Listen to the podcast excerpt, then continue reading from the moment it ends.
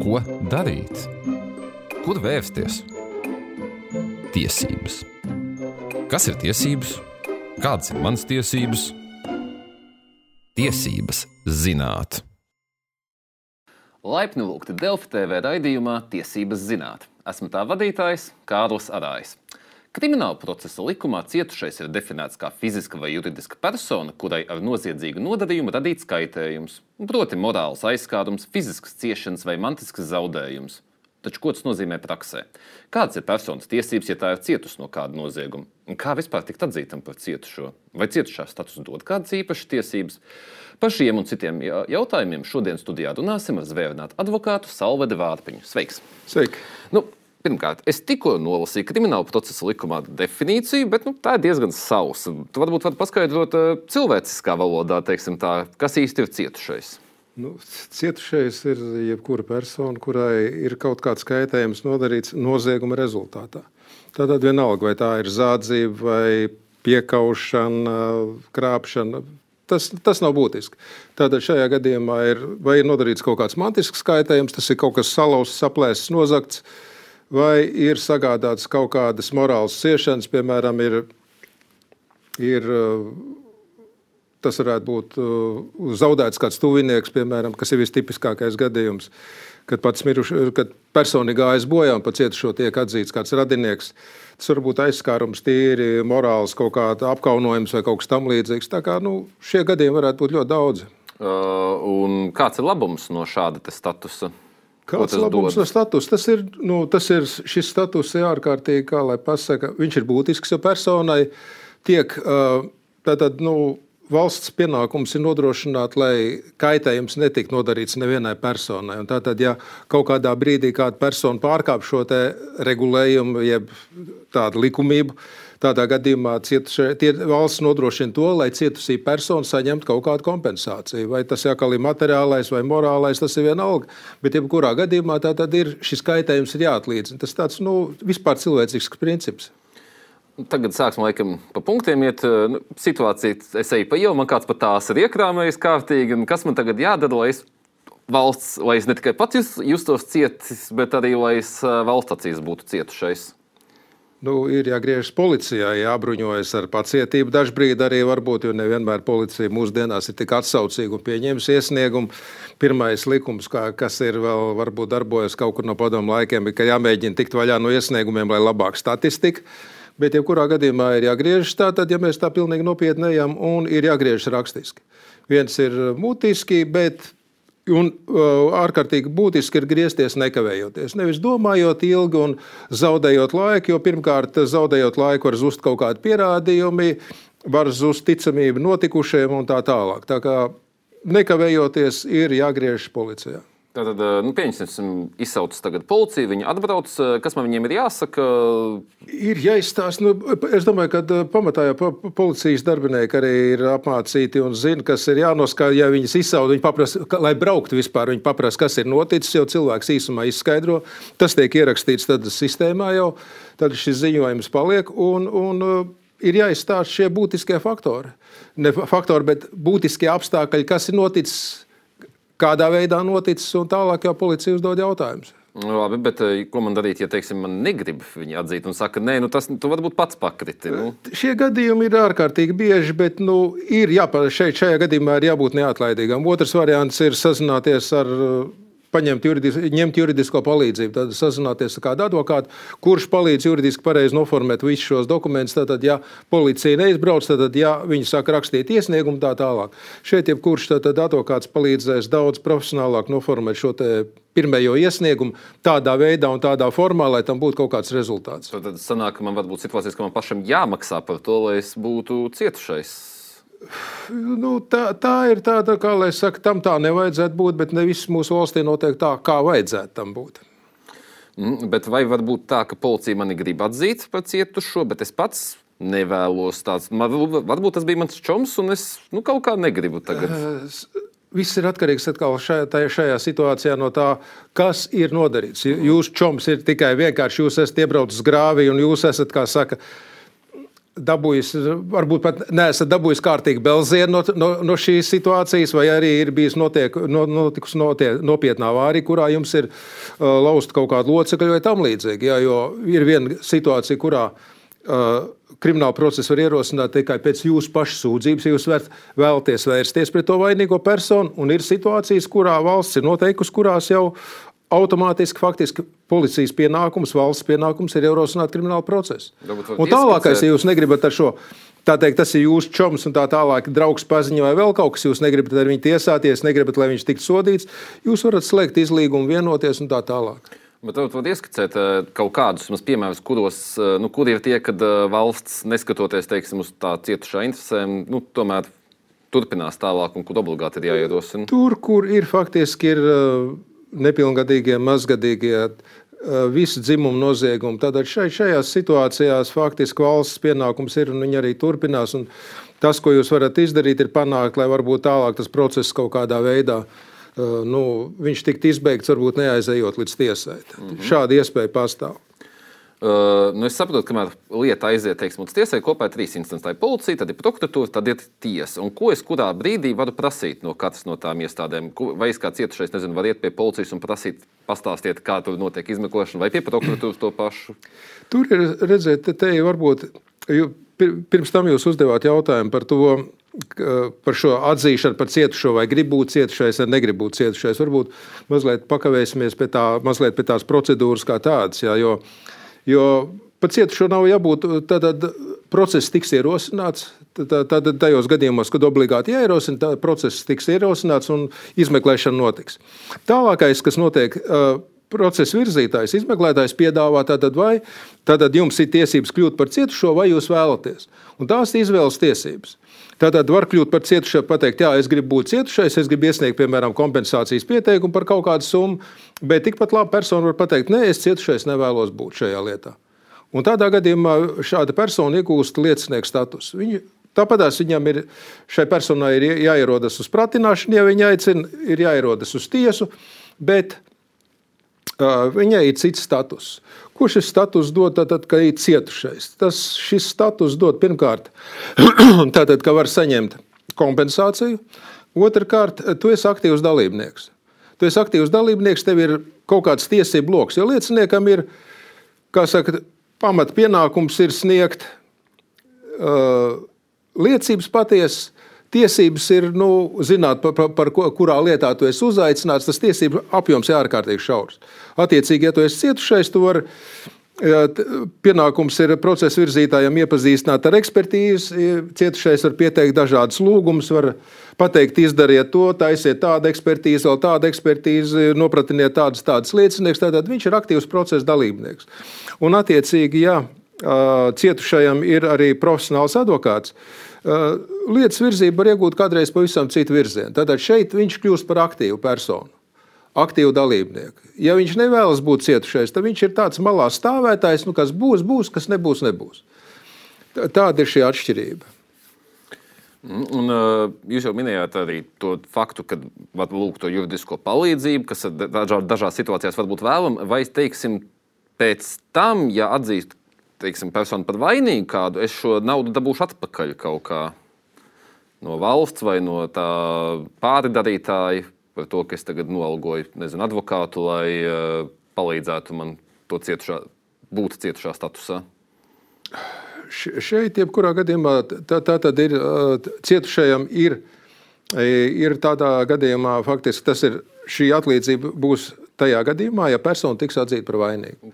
Tātad, ja persona tiks atzīta par vainīgu, izies visas trīs tiesas instances, bet šai personai tādā gadījumā, ja viņa aizstāvim jau ir jāiesniedz tiesai šie pierādījumi, kad attiecīgā naudas summa ir samaksāta. Ka tas nevar būt tā, ka ir kaut kā nosaucts kaut kāda mistiska summa. Tad ir jābūt dokumentācijai, kas apliecina, tātad, ka, ka šī nauda ir tiešām ir samaksāta. Ja, tādā gadījumā no vainīgās personas tātad, arī šī, šī naudas summa tiks ieturēta. Tas, piemēram, bankas pārskaitījums, kaut kas tamlīdzīgs. Līgums, Tie pamatā, jā. nē, tas ir vai, vai nu ir bankas pārskaitījums, maksājuma kvīts, kaut kāda ieņēmuma orders, ka ir nauda samaksāta. Tad, tad, tad dokumentāli jāapstiprinās šai, šim apstāklim, ka attiecīgā naudas summa ir samaksāta. Jā, bet ja to personu beigās atzīs par nevainīgu, tad tā nauda. Nu, tas, diemžēl, ir, ir, ir attiecīgi. Jā, nu, sa, sa, savā ziņā tas ir risks, ko tu riskē, bet nu, te ir jautājums par to, cik svarīgi ir ā, attiecīgajai personai aizstāvēt šīs savas tiesības. Uh, nu, Vai ir kaut kādi gadījumi, situācijas, kad nu, tiešām, tiešām būtu vērts, nu, vai kas varētu būt nezinu, tāds tāds zelta likums, pēc kā iz, izšķirties, vai ir vajadzīga šāda pārstāvniecība, vai tomēr var iztikt bez? To ir ārkārtīgi grūti pateikt, jo uh, ir diemžēl jāņem vērā tas, ka arī izmeklētāji ir dažāda līmeņa. Un uh, ir ļoti bieži tā, tas trūkums, kas ir mūsu izmeklēšanai šobrīd. Ir kāda trūkums, nepietiekama sagatavotība, ir ļoti centīgi jauni izmeklētāji, kuri cenšas darīt labu darbu pēc labākās sirdsapziņas, bet viņiem pietrūkst pieredze. Un tā kļūda ir, kad ļoti bieži aiziet pa vienu versiju, ne, nepapētot citu versijas un nesavācot visus tos pierādījumus, kurus varētu savākt attiecīgajā brīdī. Piemēram, autoavārijas lietās eh, piefiksē, kur kāda mašīna ir atradusies, bet, piemēram, eh, nepaņem mikrodaļas, nepaņem kaut kādas pierādījumus, caur kuriem jeb eh, pēdas no saskarsmes vietām, mašīnai ar cilvēkiem, savstarpēji mašīnām, pēc kurām varētu konstatēt, piemēram, kāds ir bijis šis ceļu satiksmes negadījuma mehānisms. Tā ir ļoti tipiska kļūda. Šī varbūt tāda pāra pašpaļāvība par to, ka tā versija, kas ir izveidojusies attiecīgi tai personai galvā, kur veids šīs izmeklēšanas darbības, ka tā ir tā pareizā un ka nevarētu būt neviena cita versija. Vai arī nepadomājot, kā saka, pāris soļus uz priekšu, ko darīt tad, kad būs piemēram kaut kāda cita situācija. Uh, ejot tālāk, uh, cietušais arī var liecināt, vai ne? viņam būs pienākums arī liecināt kādā brīdī. Cietušajam ir pienākums ir liecināt, un uz viņu attiecināt, tiek attiecināti liecinieka nopratināšanas noteikumi. Tātad arī cietušais var neliecināt pret sevi saviem tuviniekiem, bet viņam, ja viņš liecina, ir jāsniedz patiesas liecības. Viņš nevar atteikties liecināt. Un kā ar to tieši par to liecināšanu pret tuviniekiem? Vai tas ir pienākums, vai, vai, vai arī var izvēlēties, tomēr varbūt es Nē, gribu liecināt? Tas ir paredzēts, ka tātad likums tiesības- nosaka, ka pret cietuš, cietušais pret tuviniekiem var neliecināt. Tātad tās ir tiesības, bet tas nav tāds kā uzstādījums. Nē, tas ir, tā, tās ir tiesības. Jā. Jā, Un tās ir šīs tiesības, ir jāizskaidro. Kur vēl ir ārkārtīgi liela problēma attiecībā par cietušajiem, kad ļoti bieži cietušajiem šīs tiesības netiek izskaidrotas. Un netiek izskaidrotas tiesības, faktiski netiek izskaidrots, ka viņš vispār ir cietušais. Jau bija šis gadījums, ka- kad bija Rīgas pilsētā bija sabojāts Ukrāņu pilsoņiem šis ā, X3, X3 ā, BMW automašīna. Un cietušai, cietušajiem bija paziņots par cietušajiem it kā nopratināšanas protokolā, kur, kā saka, divi vienā bija. Un šīs personas pat nebija sapratušas, ka viņas ir atzītas par cietušajiem. Un tātad uh, likums paredz, un ne tikai likums, bet arī direktīva, kurai Latvija faktiski ir daļēji viņa ir ieviesusi tā div- uh, 2012. gada 29. direktīva par cietušajiem, kad uh, ir jāizskaidro šīs tiesības, un tiesības ir jāizskaidro saprotamā valodā. Un ne tikai jāizskaidro tiesības, ko tu vari darīt, ko tu nevari darīt. Un, saprotamā valodā tas nozīmē, ņemot vērā aptuveni jāsaprot tas izglītības līmenis, tātad, cik persona ir izglītota, cik detalizēti vajag izskaidrot, lai viņi saprastu. Un otrkārt, iedot vismaz kontaktu informāciju, lai nebūtu tā, kā arī bija ar šo X3, kad personas pat nezina, kas izmeklē, kurš tā lieta atrodas.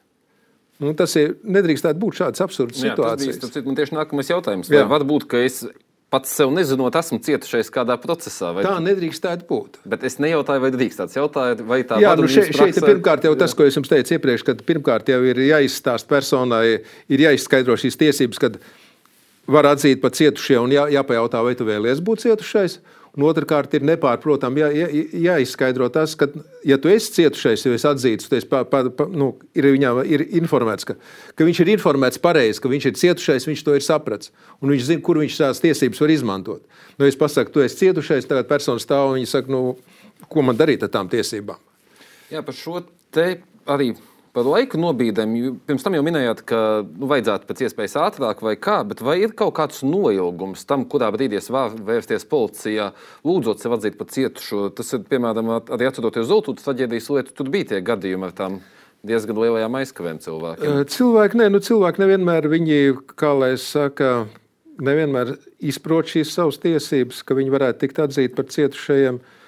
Bet šīs tiesības var izmantot gan izmeklēšanas laikā, gan arī tiesā, pirms tie, tiesa sāk uh, skatīt lietu pēc būtības.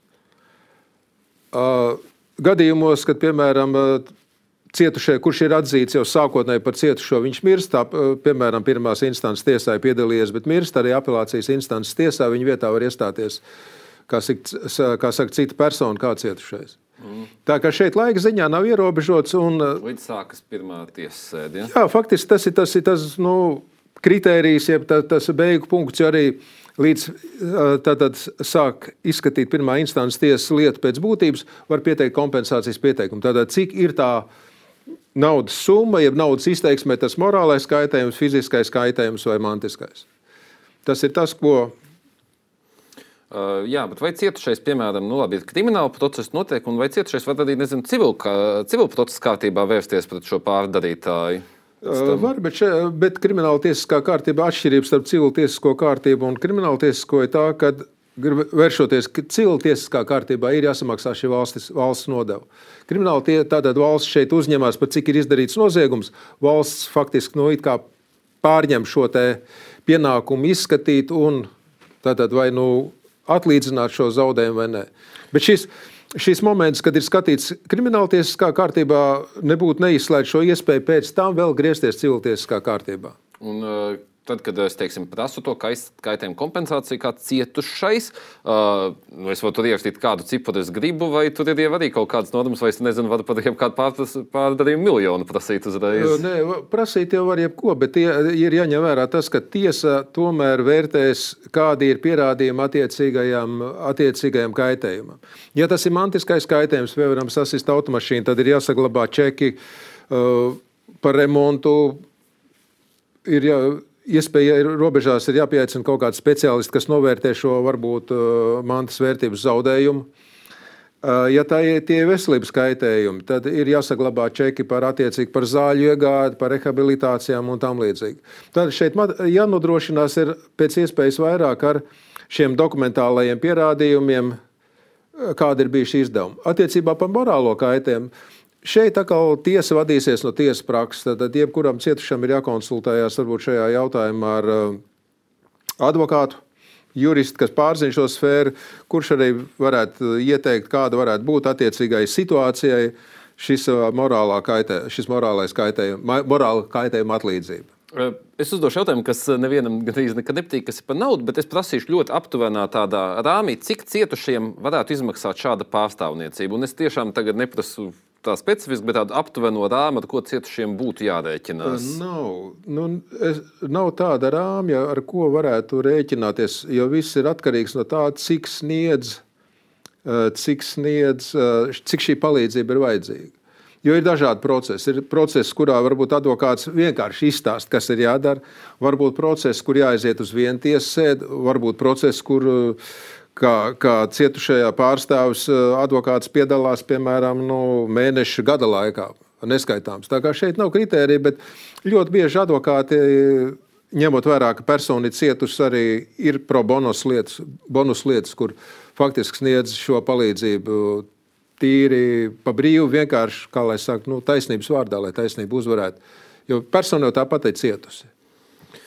Uh... Minējāt jau par tām tiesasēdēm. Man kā cietušajiem varbūt būs jāiet uz visām tiesasēdēm, kur man aicinās, un nezinu, tur sanāk nedēļā trīs sēdes, varbūt man uz visām būs jāiet, vai tur ir kaut kāds iespējas arī? Cietušā dalība nav obligāti, jo cietušais var pilnvarot tātad. Pār, advokāti var pilnvarot būt gan par pārstāvu, gan arī faktiski advokāts uzstājas, ka advokāts arī nu, juridiskās palīdzības sniedzējs. Ja. Un šeit pirmkārt jau cietušiem nav jāpiedalās, tā ir cietušā cietušā faktiski griba, vai viņš grib, pat ja viņam nav advokāts. Tā ir viņa griba, vai viņš grib piedalīties tiesas sēdē vai nē. Ja tiesa atļauj viņam nepiedalīties, viņš var arī nepiedalīties tiesas sēdēm. Nenāk. Tas ir cik vai, viņam interesē.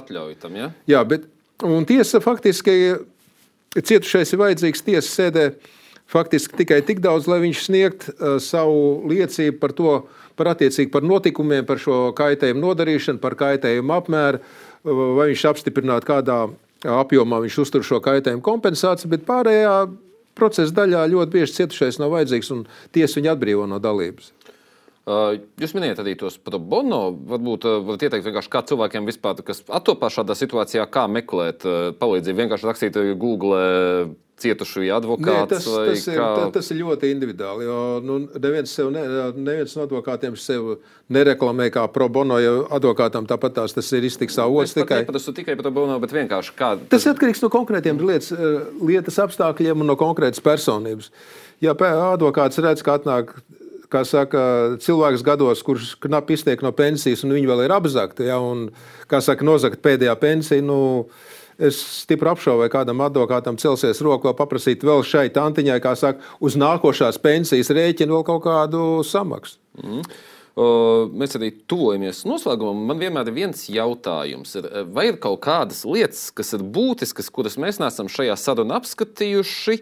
Un, ja, var, ja tādas nav, tad kas ir varbūt kādi divi, trīs zelta padomi cilvēkiem, kam nepaveicās dzīvē un kas kļūst par cietušajiem? Tā teikt, brīvais mikrofons. brīvais mikrofons. Nē, es domāju, ka jebkurā gadījumā nevajadzētu samierināties ar to, ar to ka uh, pat ja šajā gadījumā ir ielikās kā lai saka, policijas attieksme ir ļoti rezervēta. Tik un tā, ja uzskata, ka ir cietis. Tas kādreiz ļoti bieži ir, kad kaut kāda it kā. Vienam tas izliekas, ka tā ir kaut kāda sīga zādzība, bet varbūt tā ir personai, tā ir, kā es teicu, VPN pensionārai, tur 50 eiro, tā ir viņa īsti, kā saka, ārkārtīgi būtiska nauda. Un šeit ir, ir jāvērtē, cik būtisks šis kaitējums ir tai personai, konkrētai personai, kurai tas ir. Un, uh, Šeit nevajadzētu nevienam kautrēties no tā, ka, oi, man nosaka 50 eiro un es tagad neko nedarīšu. Ja? Nu, tomēr valsts pienākums ir aizsargāt un censties panākt, lai valsts arī aizsargā. Tātad, lai valsts izpildītu savu pienākumu pret saviem pilsoņiem. Un otrs ir, kā saka, nekautrēties vērsties pēc palīdzības pie juristiem. Tas nav teikts tikai pie advokātiem par to, lai palīdz sastādīt pareizi pieteikumu, lai pareizi palīdz sagatavot dokumentus. Lai varbūt palīdz, ja jūt, ka izmeklētājs nestrādā tā, kā vajag, negaidīt pārāk ilgi, bet vērsties pēc juridiskās palīdzības un tomēr pārjautāt, vai attiecīgais izmeklētājs dara visu, kas ir vajadzīgs šajā lietā, lai nonāktu pie rezultātu, vai nedara. Mm. Nu, teikšu paldies par sarunu. Un, dārgie skatītāji, jums tiksimies jau pēc divām nedēļām. Un atcerieties, mums visiem ir tiesības zināt savas tiesības.